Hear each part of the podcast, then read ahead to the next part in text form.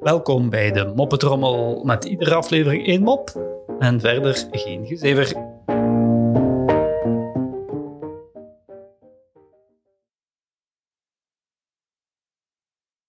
Jantje gaat naar de tandarts. Het een afspraak om half drie en om half vier zijn nog altijd niet aan de beurt.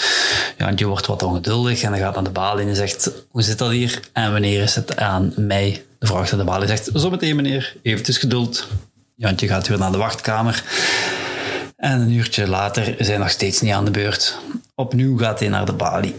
Ah, u bent zo meteen aan de beurt, uh, Jantje. Even wachten. Als hij na vier uur nog altijd niet aan de beurt is, dan klopt hij op de deur van de tandarts en zegt: Wanneer ben ik nu aan de beurt? Dan zegt de tandarts: uh, Dat kan nog wel even duren, meneer. Er zit hier iemand van de geheime dienst en die doet zijn mond niet open.